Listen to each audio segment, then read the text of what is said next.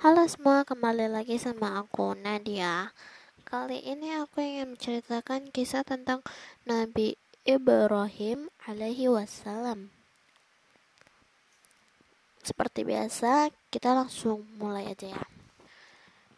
Nabi Ibrahim alaihi wasallam merupakan nabi keenam dalam sejarah Rasul Allah yang wajib diketahui umat Islam. Nabi yang satu ini dilahirkan pada tahun 2295 sebelum sebelum Maseha di negeri Mausul. Sebagai seorang nabi yang mulia, tugas Nabi Ibrahim sangatlah berat. Pasalnya, beliau dilahirkan di tengah-tengah masyarakat jahiliyah yang musyrik dan kafir. Bahkan, ayah dari Nabi Ibrahim adalah pembuat patung berhala yang juga mempercayai bahwa patung-patung itu adalah perantara manusia kepada Sang Khalik. Sejarah Nabi Ibrahim secara singkat ada pun sejarah Nabi Ibrahim dimulai dari masa kecilnya yang diasingkan ke hutan di dalam sebuah goa yang mustahil akan ditemukan orang. Hal ini dilakukan orang tua Nabi Ibrahim karena di zaman itu Raja Namrud mengeluarkan peraturan untuk membunuh setiap ada bayi laki-laki yang lahir. Raja yang sombong dan musyrik itu tidak ingin digantikan oleh siapa pun di muka bumi ini sebagai penguasa. Sampai akhirnya dirinya kembali ke tengah masyarakat, kemudian melihat semua orang seperti gila pada patung.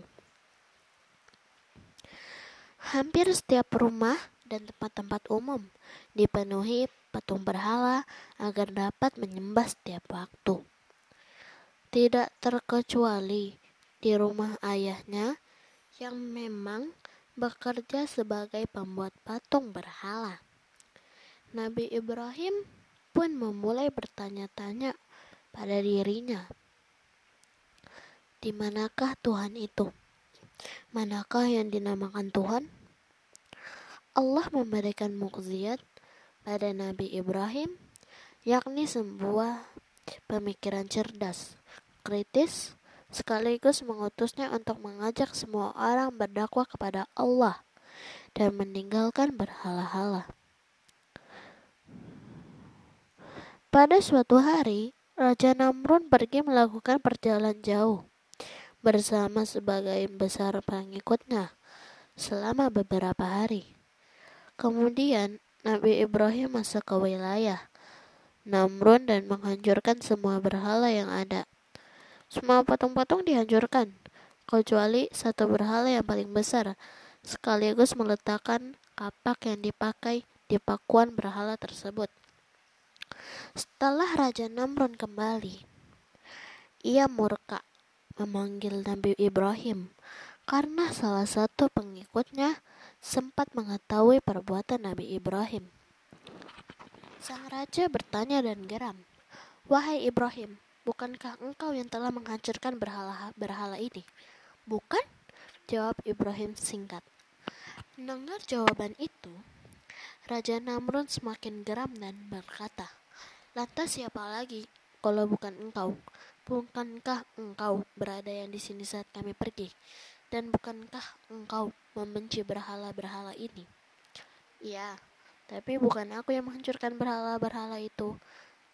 Pikir berhala besar itulah yang menghancurkan. Bukannya kapaknya masih berada di lehernya. Sahut Ibrahim dengan tenang. Raja Namrud segera membantahnya. Mana mungkin patung berhala dapat berbuat semacam itu? Mendengar hal itu, dengan gegas Nabi Ibrahim berkata, Kalau begitu, kenapa engkau menjembah berhala yang tabat yang tidak dapat berbuat apa-apa? Mendengar pertanyaan Nabi Ibrahim tersebut, para pengikut Namrun tersadar dan mulai terpikir oleh mereka, Tuhan yang selama ini disembah tidak dapat melihat, mendengar, dan bergerak. Hal itu membuat Raja Namrun semakin murka. Ia memerintahkan para tentaranya untuk menghukum Nabi Ibrahim dengan seberat-beratnya, yaitu hukuman dibakar hidup-hidup.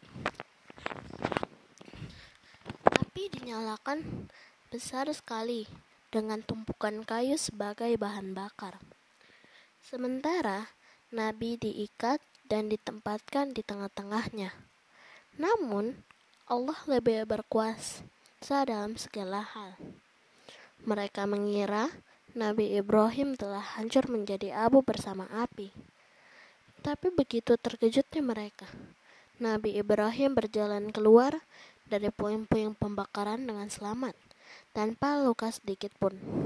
Sejak saat itu, sejak, sejak saat itu, pengikut Namrun berpaling dan menjadi umat Nabi Ibrahim menuju ke jalan Allah Subhanahu wa taala. Hal ini ter, juga tertulis dalam Al-Qur'an yang artinya Apakah kamu tidak memperhatikan orang yang mendebat Ibrahim tentang Tuhannya? Allah karena Allah telah memberikan kepada orang itu pemerintahan, kekuasaan ketika Ibrahim mengatakan, Tuhanku ialah yang menghidupkan dan mematikan. Orang itu berkata, saya dapat menghidupkan dan mematikan.